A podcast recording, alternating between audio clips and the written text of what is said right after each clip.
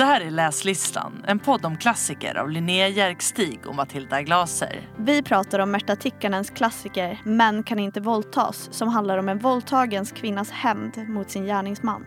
Romanen är en studie i könsroller och vad som händer när man vänder på dem. Är det så att kvinnan alltid bär ansvaret men aldrig har makten?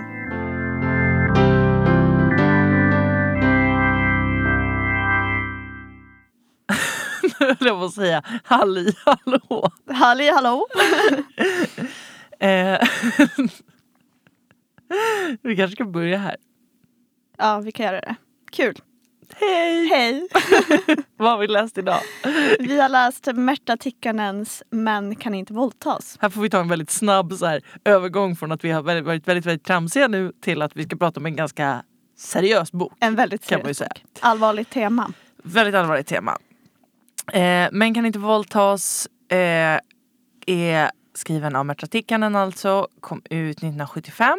Mm. Eh, boken handlar om Tova Randers eh, som är en bibliotekarie, tvåbarnsmamma, frånskild som blir eh, våldtagen Mm. eh, eh, av en man som hon träffar eh, ute på, på krogen eller på en restaurang.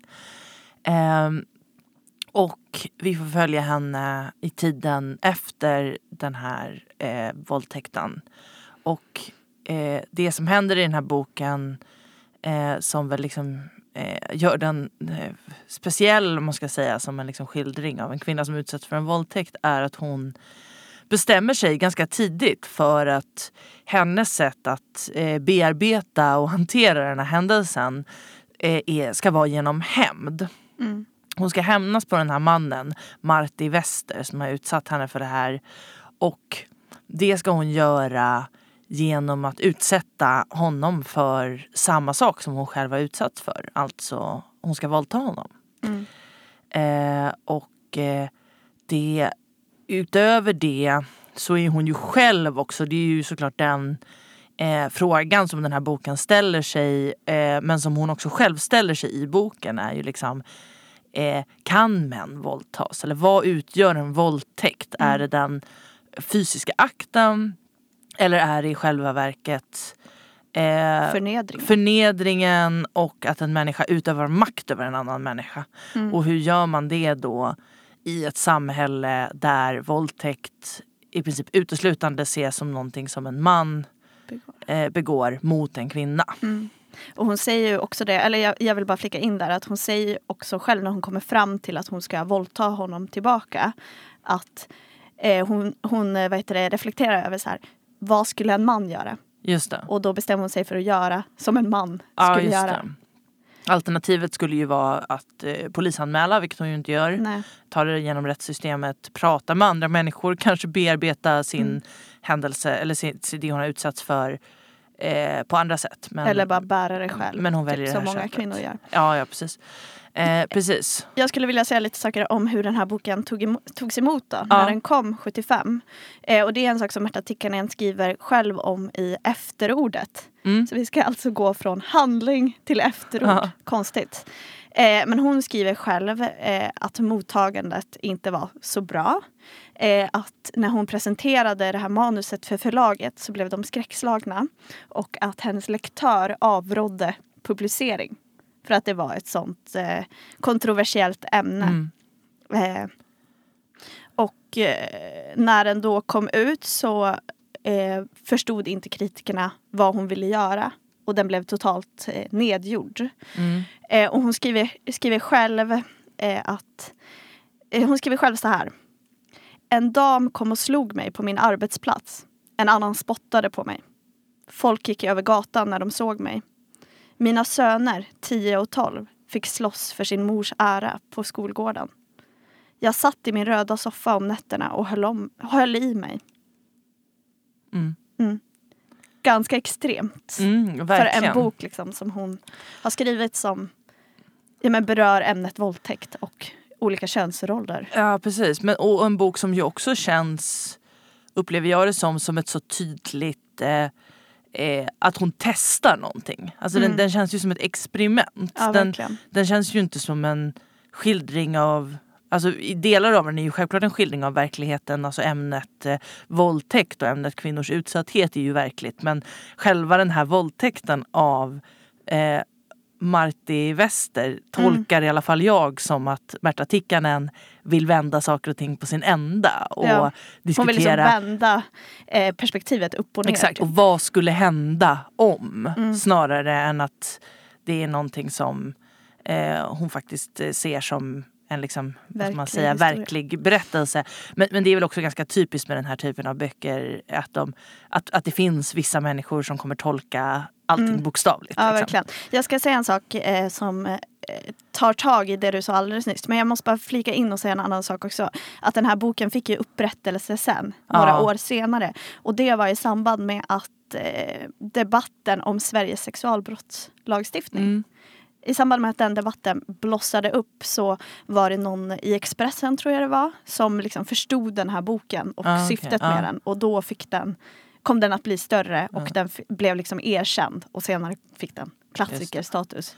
Eh, men det jag skulle säga som du sa var också att alla karaktärer i den här boken är ju extremt eh, stereotypa. Mm. Utan det är inga komplexa karaktärer eh, om man ser det ur ett könsperspektiv. Utan det är ju så här, mannen är supermanlig. Kvinnan Mm. är jätte... Eller alltså så här, det är ju ganska extrem, extrema karaktärer. Och Tycker det, du att Tova Randers är det?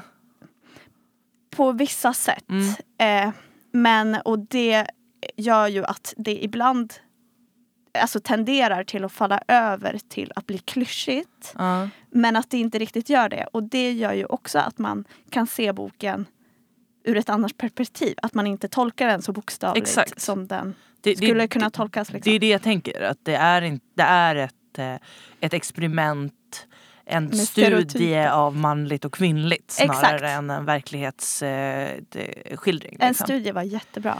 Det är exakt vad det är. Och, och vi kan väl säga det att Märta Tikkanen är ju alltså finlandssvensk eh, och den här boken har ju därför liksom varit extremt aktuell och debatten fördes ju då både i Finland och i Sverige och gör ju fortfarande det kring Mm. hennes författarskap. Liksom. Ja men verkligen. Men den känns ju som, precis den fick väl upp- upprättelse då redan för ett antal år sedan men jag tänker att läsa den idag är ju otroligt intressant för att den känns ju minst lika aktuell idag. Idag. Ja verkligen. Eh, skulle ju i princip på, på många sätt i alla fall kunna vara skriven idag. Ja men på alla sätt. Alltså egentligen. Mm. Ja det finns, det finns beror väl lite- vissa delar av det liksom som gäller kanske Jo, sexualbrottslagstiftningen exakt. Ja, och förhoppningsvis får man väl säga eh, liksom hur den normativa relationen mellan en man och en kvinna, liksom det heterosexuella förhållandet ser ut idag. Jag säger absolut Mm. inte att den typen av eh, äktenskap som hon beskriver i den här boken inte existerar idag. Nej. Men det kanske inte är normen på samma sätt. Nej, och det kan ju också finnas eh, vad heter det, skillnader beroende på vilken generation man tillhör. Mhm, absolut. och, eller det vill jag hoppas Ja. att det finns. Ja, på sätt och absolut. vis. Men vi kanske ska börja med att gå in lite i karaktärerna. Mm. Och huvudkaraktärerna är ju då dels Tova Mm. och dels Marti. Mm, Eller exakt. Matti. Nej, Marti. Marti, ja. Eh, och Tova skulle jag beskriva som, eller hon fyller ju, det börjar ju med att hon fyller 40 år den här kvällen. Mm. Och det är ju väldigt centralt för den här våldtäkten. För att hon har två barn, Ja. är frånskild. Hon fyller 40 och ska fira med att gå ut och äta en biff typ. ja, precis. Eh, och det, den känslan man får av henne är ju att det här är första gången som hon, alltså på jättelänge, som hon gör någonting för sig själv. Mm. Hon går ut själv, äter, Mm. dansar lite. Och där träffar hon Marti. Och det gör ju att man får väldigt stor sympati för henne. För att man känner verkligen så här. Det här var första gången du tänkte på dig själv Mm. på hur många år som helst. Och så händer det här. Ja, nej men absolut. Eh, precis, hennes barn har blivit liksom, kommit upp i eh, Tonåren. och är dessutom då hos sin pappa när det här händer. Och hon, ja men precis, hon, hon är ju i den där liksom, situationen i livet där man kanske får möjligheten att eh, eh, hitta tillbaka till sig själv och Mm. liksom fundera kring vem är jag? Och i hennes fall kanske eh, att definiera sig själv utan en relation till mannen man just då lever med eller har en relation med. Mm. Men istället så fångas hon ju i relation till en helt ny man som Mm. då är hennes våldtäktsman. Det hon gör och det hon försöker göra är också att definiera sig själv lite i förhållande till andra kvinnor Mm. under boken och Mm. försöka eh, ja, men, förstå vem hon själv är i förhållande till andra. Mm. Och hon beskrivs ju också som en ganska tragisk figur skulle jag vilja säga. Att hon, hon tänker mycket på sin vikt, hon bantar lite från och Mm. till. Hon är väldigt ensam. Och, men hon gör sig också väldigt ensam Ja. genom att liksom ta avstånd från andra. Ja. Eh, och hon, ja, men hon har liksom egentligen sina söner typ och ett, ett eh, tidigare förhållande med en person som inte ville ha henne som hon Mm. älskade och som Mm. inte var hennes man. Just det, precis. Eh, nej exakt, hon, man ser ju, man får väl möta henne i relation med, bortsett från då alla de olika männen i hennes liv eller vad man ska kalla det, så får man ju se henne mycket i relation till sina kvinnliga kollegor. Mm. Och, och där får man ju intrycket av att precis det finns nog ett möte som hon skulle kunna ha med de kvinnorna men som hon inte... Eh, och det är nog liksom kanske från båda hållen men Ja. inte liksom öppnar upp för.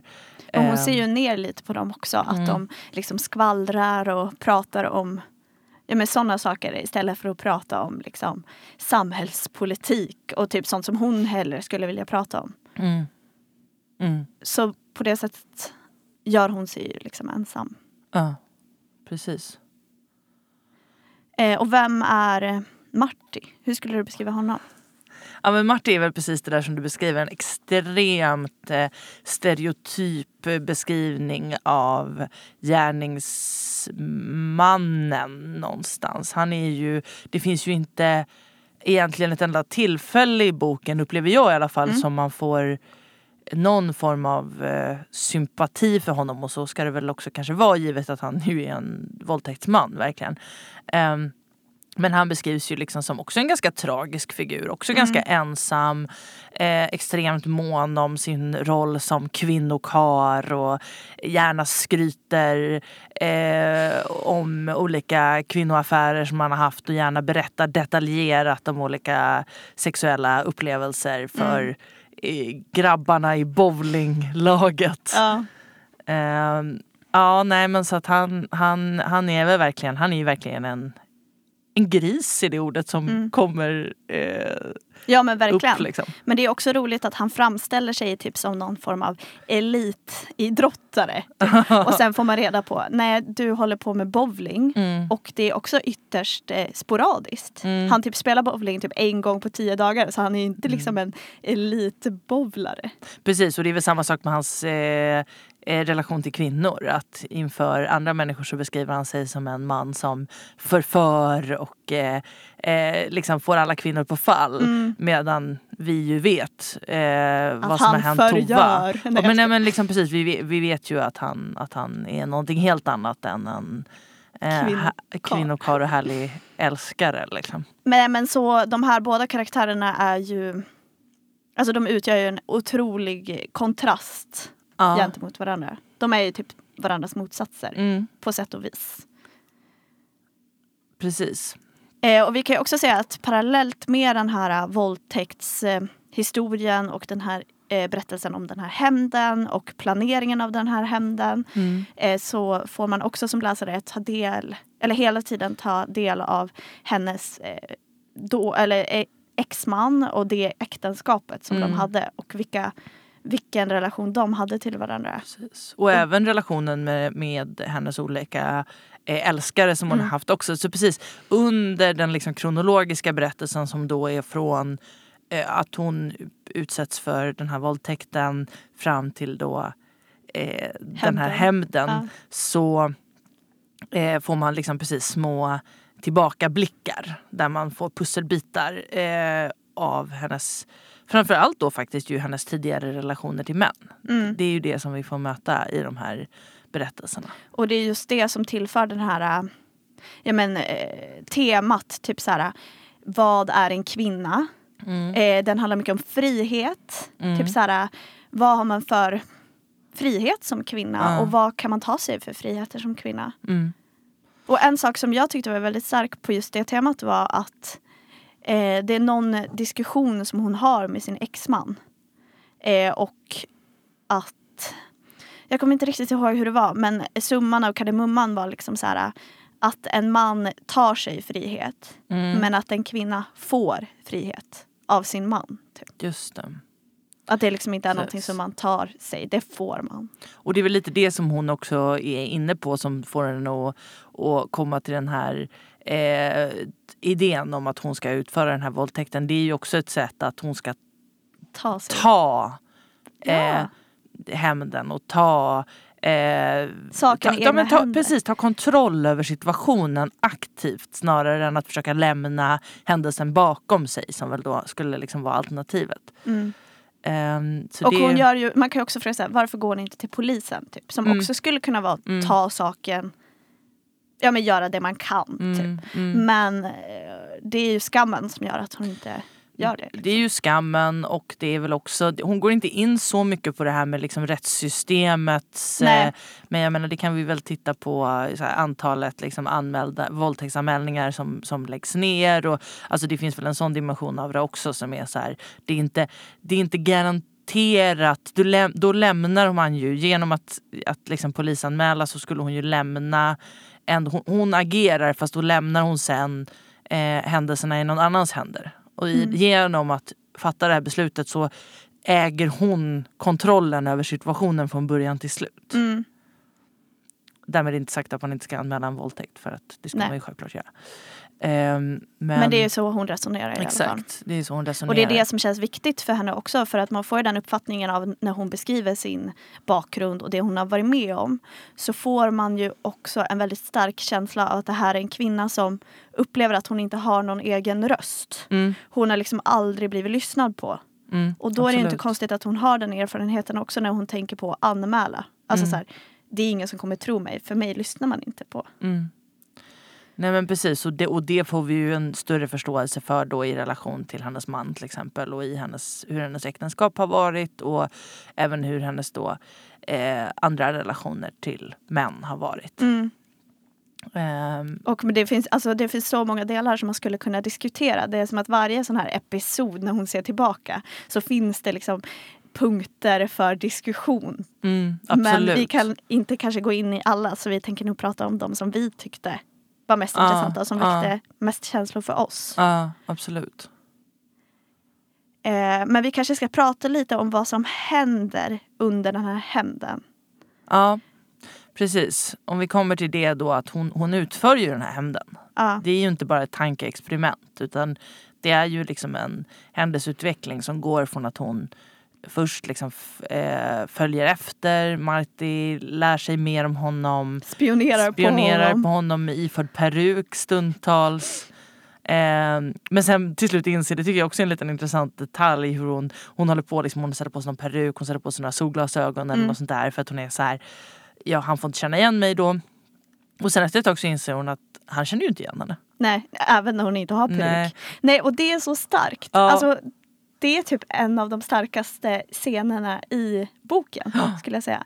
Också när hon liksom har funderat och tänkt och haft så himla ont för den här våldtäkten Ja. i så många dagar. Och han har liksom inte ens ägnat det en tanke. Han har inte Nej. ens förstått vad han har gjort. Nej. typ. Nej men precis och det är ju både liksom en, en kommentar på det tänker jag. Hur liksom en, en händelse kan en händelse kan liksom eh, slå en persons liv sönder och samman Mm. och bara vara ett blipp i den på den andra personens radar. Liksom. Men också tänker jag att det är en kommentar på hennes självbild väldigt mycket. Att hon ser ju sig själv som en 40-årig eh, steriliserad Mm. kvinna. Ja, hon har steriliserat sig. Eh, hon har steriliserat sig vilket ju är en sak som kommer upp också i, i handlingen vid ett tillfälle. Att, att det känns som, hon ser ju sig som en person som är mer eller mindre uträknad som kvinna. ja. Hon är inte en kvinna längre, hon är en kärring. Hon typ. beskriver sig någon gång som en halv kvinna. Mm, Som blir våldtagen av en eh, hel och frisk man. Typ. mm. Ja men precis, det där, och det där är ju verkligen Ja, jag vet inte vad man ska säga om det mer än att det är en jävligt mörk eh, skildring. Liksom, Extremt mörk skildring. kvinnlighet och att för att återkomma till det som vi redan har sagt flera gånger liksom, men att hon, hon inte kan se sig själv som en hel kvinna i samhällets ögon och att hon därför tänker att genom att ikläda sig någonstans här rollen som en man, det vill säga begå en våldtäkt, Mm. är det enda sättet som hon kan få makt. Ja. Hon kan inte få makt som kvinna. Ja exakt, för allting handlar ju egentligen om en form av Mm. maktspel. Eh, och att lika mycket som att hon vill ha hämnd så vill hon ju ha makten. Exakt. Ehm, och det man kan säga är väl typ så här att hon kommer hem till honom, våldtar honom Mm. eh, och det första eller, och hennes, en stor del av den här hämnden och våldtäkten att hon ska göra det som inte han gjorde. Hon ska ringa och polisanmäla våldtäkten. Eh, och på så sätt dels få makten över händelseförloppet Ja. men också få Ja men få makten och dels få hämnden liksom Exakt. fullbordad. Eller vad man ska säga. Exakt. För, för också att det skulle vara den ultimata förnedringen för honom Exakt. menar hon ju och det utifrån Martis agerande så förstår man ju att det är en korrekt analys. Så att, Ja. så här, att den ultimata maktövertagandet över honom är ju att världen får se att han har blivit våldtagen. Ja exakt. Och vad är det han gör då när han har blivit När våldtagen? polisen kom, först så vill inte polisen ens komma till platsen. Eh, för de förstår inte överhuvudtaget och tror att det är ett eh, liksom, äktenskapsgnabb. Och Ja. De kan inte överhuvudtaget förstå analysen, liksom förstå när hon ringer och säger att jag har våldtagit en man. Nej. Så fattar de inte det. Så det slutar med att hon till slut ringer och bara säger så här, våldtäkt, adressen. Bara, bara. Och då kommer de på en gång, då såklart i tron att det är hon som har blivit våldtagen. Och när de väl kommer dit så kan de överhuvudtaget, poliserna bara fattar inte situationen. De tror att det är någon sorts, bara någon sorts bråk mellan två, ett par Ja. liksom. Eh, och dessutom då så säger ju Marti då förnekar ju Ja. totalt att han skulle ha blivit våldtagen. Nej. Nej nej nej, vi har liksom haft lite eh, Kärleksgnabb. ja och typ en lite så här BDSM sex typ. Ehm, Och det polisen gör då är ju att de tror ju på han Ja. såklart. För hennes röst räknas ju Ja. inte. Eh, och bötfäller honom för falsklarm. Så Just hon det. får ju inte ens böten fast det var hon som ringde. och hon försöker liksom, men vadå det är ju jag som ska vara böta, det är jag som har ringt. Ja, och de Och- bara nej, Nej. det är du. Men det som är intressant också med den scenen är att maktperspektivet skiftar en gång när poliserna är där. Och det är eh, nej men för att eh, vad heter det, Marty försöker förklara eh, vad heter det, det här med någon form av BDSM. Och då börjar ju poliserna skratta för de tycker att det är kul. Typ Mm. såhär, behöver du piskor och sånt för att få upp den? Typ. Ja, det. Eh, och hånar ju hans manlighet då. Mm, Och då eh, så ser ju Tova sin chans mm, och hakar på det där. mm. Eh, och det är först som hon gör det och på något sätt bekräftar Martis potensproblem Mm. för polisen som hon får uppmärksamheten. Just Och det är så jävla hårt. Ja. Att det är bara då hennes röst räknas Ja. för att typ förnedra honom. Att hon kan liksom inte ha en röst annars. Nej. Och det är bara då som hon har makten. Ja, exakt. Och det är typ nästan värre för honom än typ att erkänna en våldtäkt. Nej men det är så otroligt Ja, det förödmjukande är för väldigt honom. förnedrande för honom. Ja. Mm. Och helt orimligt beteende av polisen. Alltså, Mm. för att diskutera hans... eh, ja, nej men precis. Det är en väldigt, kon- det är en väldigt konstig scen. Liksom. Den är absurd på många sätt. Liksom.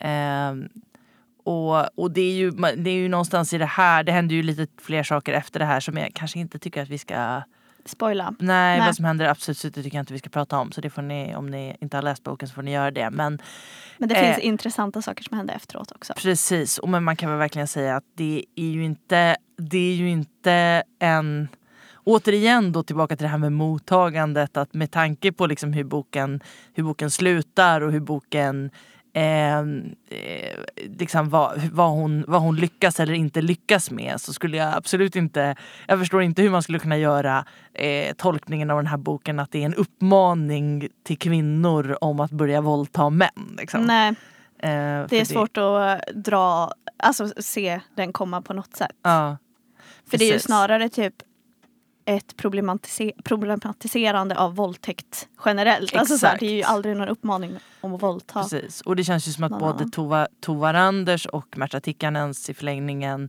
analys av en våldtäkt är att våldtäkten är ett maktutövande. Mm. Att det, det är det det någonstans handlar om. Och Och Om man samt ska- att våld alltid leder till mer våld. Ja, ja men precis. Och om man ska dra någon slutsats av det här så är ju det att så här, eh, av, av hur, det här, hur den här händelsen utspelar sig så är väl det att ja, hon kan våldta honom rent fysiskt. Mm. Men eftersom att, vilket då visar sig i den här interaktionen med poliserna, eftersom hon fortfarande inte har makten Mm. så Har inte har den våldtäkten som hon ville begå har någonstans ändå inte begåtts. Mm. För att hon har inte fått makten över situationen. Nej. Och det är det som gör den så stark också. Ja. Att det enda hon ville kunde hon inte få. Exakt. Eh, och det var en sån sak som han kunde få så lätt. Typ. Exakt. Och på det Få- sättet har ju alltid, och det är det som tematiseras också genom de här återblickarna kring Mm. äktenskapet. Och det är ju att kvinnan aldrig har makten. Och eh, jag skrev några anteckningar också när, när jag läste boken och det var så här, kvinnan har aldrig makten men hon har alltid ansvaret. Mm. Och då så här, så mina tankar var så här utifrån de här eh, sakerna som eh, tematiserades under äktenskapsskildringen. Mm. Och det var ju så här, ja det är alltid en kvinnas fel att hon blir våldtagen. Mm. Eh, det är alltid hennes ansvar att hemmet ska fungera. Mm. Om det är någon i relationen som måste uppoffra någonting för, för barnens skull. Ja. Så det är alltid kvinnan som har det ansvaret och ska göra det. Och dessutom så är det alltid hennes fel om hon blir gravid. Mm. Eh, så det är liksom, det är alltid hon som bär Ja. på allting. Ansvar, hon har ansvaret men inte makten är väl den eh, analysen som, eh, som liksom, eller slutsatsen som den här boken liksom för fram. Så Berta Tikkanen skriver ju också i det här efterordet, om vi går tillbaka till Ja. det. Hon avslutar ju efterordet med att skriva PS fast det är ju inte det sexuella våldet boken handlar om. Nej exakt, och det är det den inte gör. Och det, väl, och det tänker jag är, och det, och det vet jag inte om du har gjort någon annan tolkning av det eller någon annan har gjort en annan tolkning av det. Men jag tänker att det är just att det handlar om på ett mycket större plan om liksom jämställdhet och eh, det kvinnliga, kvinnans ansvar utan makt. Makt, ja precis, maktlöshet med ansvar eller Mm. något sånt. Men det är också så här, hon skriver vid något tillfälle så här, det är dags att byta roller nu.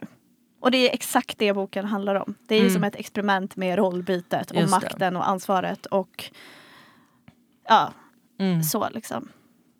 Men en annan sak på tal om eh, det med makten och ansvaret och sådär som jag eh, tänkte mycket på och det är just det när hon ska sterilisera sig. Mm. Att hon vill verkligen sterilisera sig för hon vill inte ha fler barn och vill inte liksom ta den risken som fler barn skulle innebära för hennes frihet Mm. och hennes liv. Hon vill avskriva sitt ansvar kan man ju säga. Exakt, det är det hon vill. Och det hon möts av då är en läkare som vägrar. För att Eh, alltså till en början vägrar Mm. för att hon kanske ångrar sig. Hon är fortfarande kring 30. Mm. Så hon ha, kan ju förmodligen få flera barn. Mm. Eh, och han säger att jag kan sterilisera dig om du kommer in och gör en abort. Ja. Eh, och då blir hon gravid och gör en abort och då blir hon steriliserad. Och då, eller det som sägs då är ju typ att det behövs någon form av fysiskt bevis Mm. på att hon inte vill. Utan Mm. hennes ord det räcker Mm. inte. Utan det måste liksom vara Just något det. fysiskt. Ehm, och det är ju typ det, alltså som, alltså det är så många delar som den här boken handlar om. Och inte våldtäkt. Mm. Den handlar Ja. om så mycket men den liksom drivs av en Mm. våldtäkt. Storyn. Precis. Och- Men Är det någon scen typ som du kände att du bär med dig eller som du tyckte var väldigt stark? Ja, det är ganska många scener skulle jag säga. Men jag tänker på en sak som jag tyckte var väldigt stark också är att hon har ju två framförallt kanske relationer med män eh, som inte är hennes make då Mm. och som inte är den här våldtäktsmannen som vi har varit inne på mycket. Och det är den här Kari och den här B. Exakt. Mm. Och B får man ju reda på ganska mycket om eh, under berättelsens gång så att säga. Bland annat då hur han lämnar henne just efter att hon har steriliserat sig. Mm. Ehm, och det i sig är ju väldigt starkt och också en kommentar på allt det här som vi har pratat om. Men den här Kari får man ju nästan inte veta någonting om. Hans namn nämns väldigt tidigt och liksom man förstår att, att de har haft en relation. Och det intressanta med det, som säga, det är att det är just under hennes konfrontation av Marti och under våldtäktsscenen Mm. som de tillbakablickarna Ah, dyker det upp. tänkte jag aldrig på. Bra Och noterat. Det där gör mig väldigt nyfiken på vad det betyder Ja. och den här Kari-relationen. Mycket i den läm- lämnas väldigt obesvarat. B som då är den andra mannen får man ganska mycket en uppfattning av ve- vem han är. Medan Mm. den här Kari fick inte jag det på samma sätt. Nej, det jag upplevde var typ så att hon verkligen var väldigt kär i honom. Mm. Jo men det får man ju Eh, och då tänkte jag att det var liksom för att eh, han var någon som hon inte kunde få. Mm. Men det kan ju, eller som jag tolkar på dig så låter det ju som att det kanske kan finnas något typ våldsperspektiv eller någonting som hon har varit med om eftersom det kommer upp i samband med vet Våldtäkten. inte Eller jag vet inte. faktiskt. Men jag hade inte dragit den referensen Nej. som du drog. Eller jag tyckte det tanken. var, om inte annat så tyckte jag att det var ett väldigt spännande grepp. Liksom, Mm. i, och också i det här liksom, att man avbryter liksom, någon ganska grov våldsskildring. Eh, liksom, avbrott i den med den här, för nu kommer jag inte riktigt ihåg men jag tror liksom att, att det, det i alla fall är ganska, alltså verkligen en kärleksskildring Med till Kari. den här Kari Ja. som dyker upp i de här avbrotten okej, i ja. våldsskildring. Jag tyckte det var ett liksom, intressant eh, litterärt grepp framförallt. Liksom. Men varför kommer det just nu? Ja. Eller just där. Jo, nej, det kan man ju verkligen, verkligen fråga sig. Men sen var det ju en annan sak som var svår att inte tänka på var ju Lisbeth Salander. Ah, ja, ja. ja, absolut. För hon, vad heter den? Män som hatar kvinnor. Ja, det, hon våldtar ju faktiskt en Ja. man i den boken och filmen. Ja.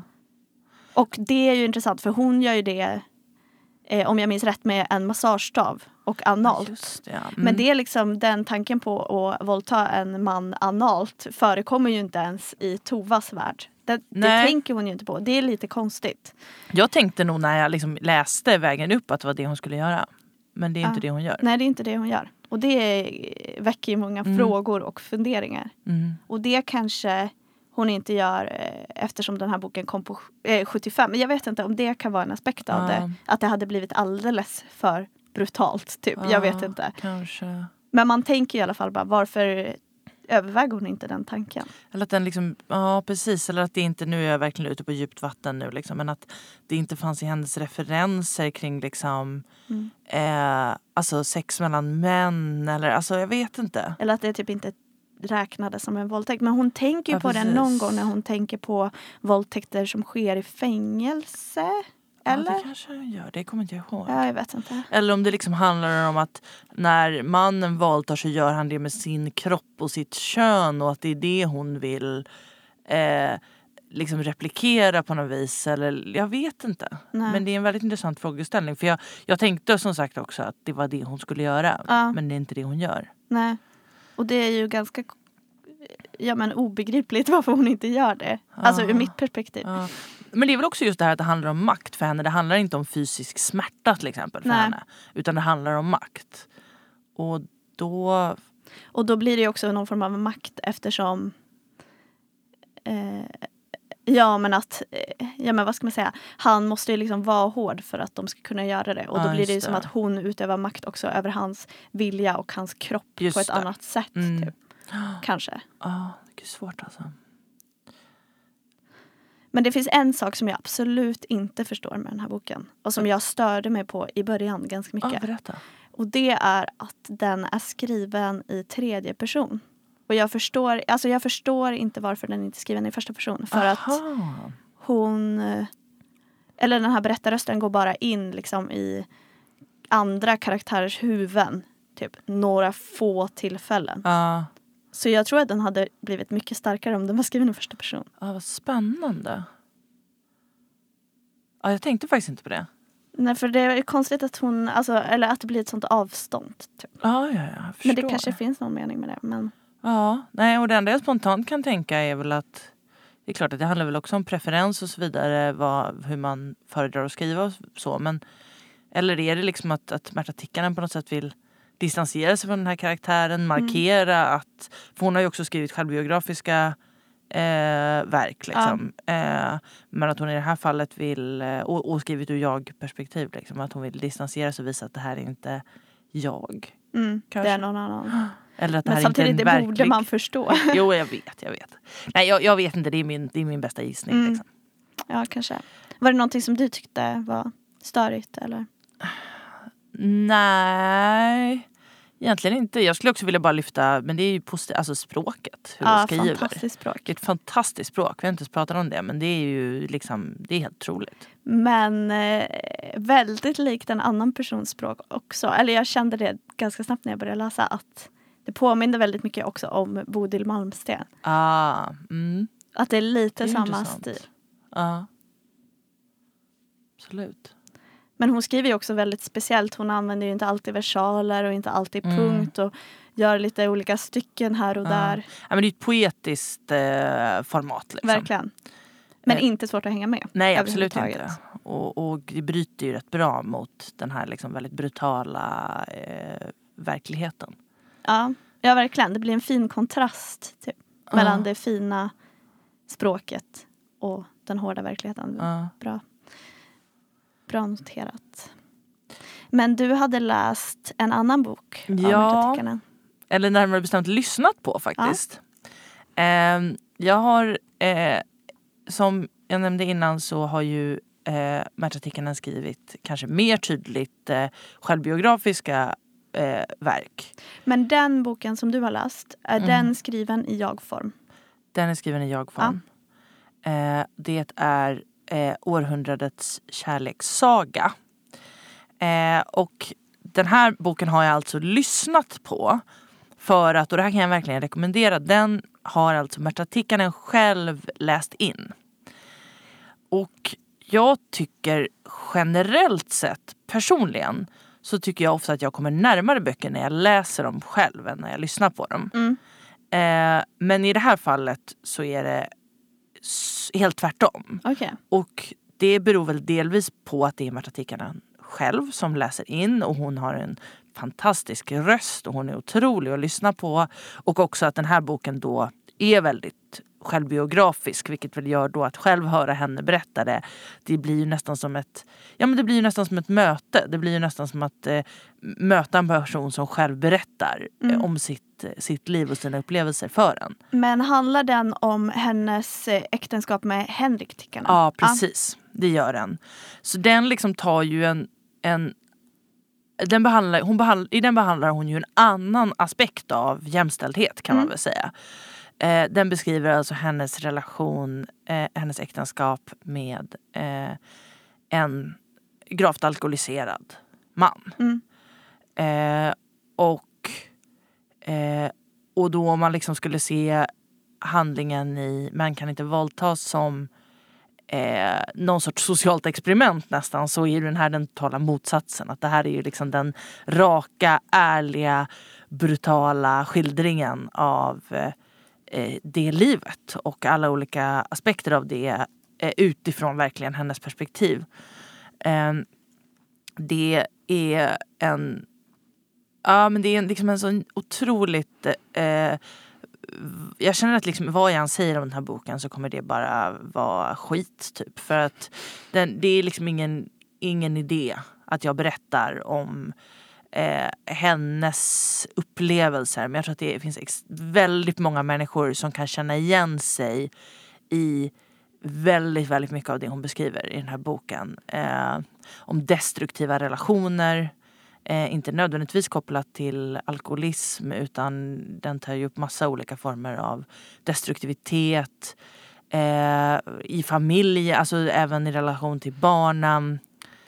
Eh, och liksom hur man kan älska någon Mm. och samtidigt hata och äcklas Mm. av Ja. samma person. Liksom. Ja, men lyssna på den, den är typ två timmar och eh, finns på eh, ljudboksappar. Jag Mm. kan verkligen rekommendera att ta den tiden till att lyssna på den här boken. Jag blir väldigt sugen på att lyssna på den. Men det känns ju också som att eh, det är mycket också vad den här boken som vi har läst, alltså Män kan inte våldtas, handlar om också. Och, eller så här, att man också kan känna igen sig Mm. otroligt mycket i Absolut. den. Och att jag tänker typ så här, att vara kvinna är att typ lära eh, sig att respektera sig själv. Mm. Och det låter ju som att det också kan passa bra in på den boken Mm. som du har läst. Absolut. Eh, ja, jag läste en eh, bok som inte alls har med Märta Tikkanen att göra. Och inte med Finland och inte med Sverige. Nej? Jag har läst en bok som heter Syskonen av Tessa Hadley. Ja, ja. Har du läst Mm. den? Nej, men jag känner till den lite vagt. Ja. Ja, det känns som att många har pratat mycket om den och hon var ju också på Bokmässan i höstas. Eh, tyvärr så tittade jag inte på henne men eh, det finns en fantastisk eh, intervju med henne på UR Mm. från Bokmässan. Och det var tack vare den som jag läste den här boken. Okej. Ja. Eh, men den handlar om en grupp vuxna syskon som åker till ja, men, familjens sommarställe där de ska tillbringa tre veckor eh, för att bestämma sig för, eh, för hur de ska göra med huset. Ska de sälja det eller ska de behålla det? Mm. För deras föräldrar har dött. Eh, och de här syskonen umgås nästan aldrig annars. Eh, men nu ska de ses under tre veckor. Det är uppbyggt för intriger. Mm. Eh, vissa har sina partners med sig, vissa barnen. Andra har tagit med sig sin ex-pojkväns 20-åriga son. Alltså så det är mycket, mm, alla möjliga människor där. Eh, och upplagt för konflikter men på ytan händer det inte så mycket. Men man känner hela tiden hur det liksom bubblar under till. Och hur alla så gamla konflikter blossar upp Ja, ja, ja. och sådär. Eh, men väldigt subtilt. Och det som jag tyckte om med den här boken var att det är väldigt ja, men, intressanta spänningar mellan karaktärerna. Mm. Eh, och att vi i boken, den består liksom av tre delar och i bokens mellersta del så får man följa mamman som har dött. Mm, okej. Och liksom hur hon har haft det. Och då kan man också se mycket hur saker kommer och går igen. Mm, Den tillför liksom en helt annan dimension till boken. Men sen så fick den här boken också tänka mig, äh, mig att tänka väldigt mycket på en bok som vi har läst i podden. Vill du gissa vilken? Nej, Nej, det är ju omöjligt. Eh, men Mot fyren. Jaha, För det känns som att hon liksom har använt att hon har haft den boken i åtanke när hon har skrivit den här.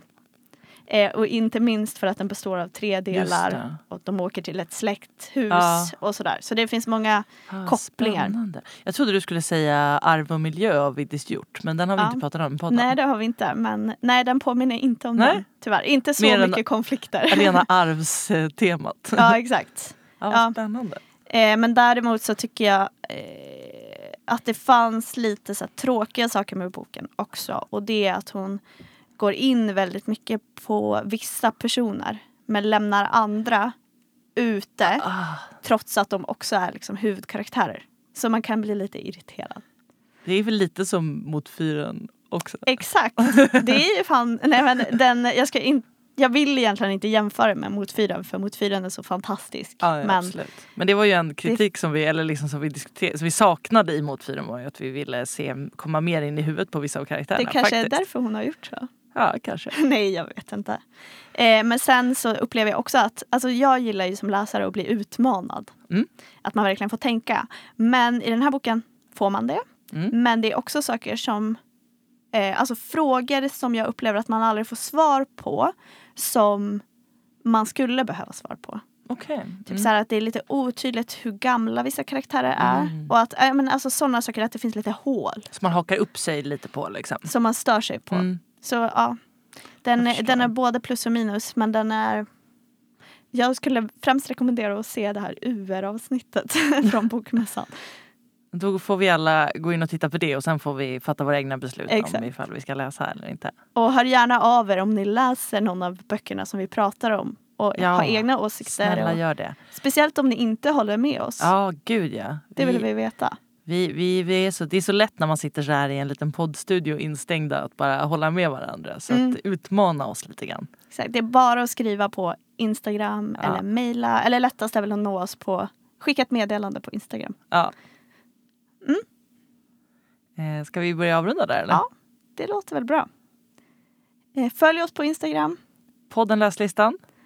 Eh, sätt betyg på oss på podcaster. Precis. Och så vill vi tacka Anton Bäckman. för vår härliga jingel. Precis. Vi hörs. Vi hörs. Hej då. Hej då!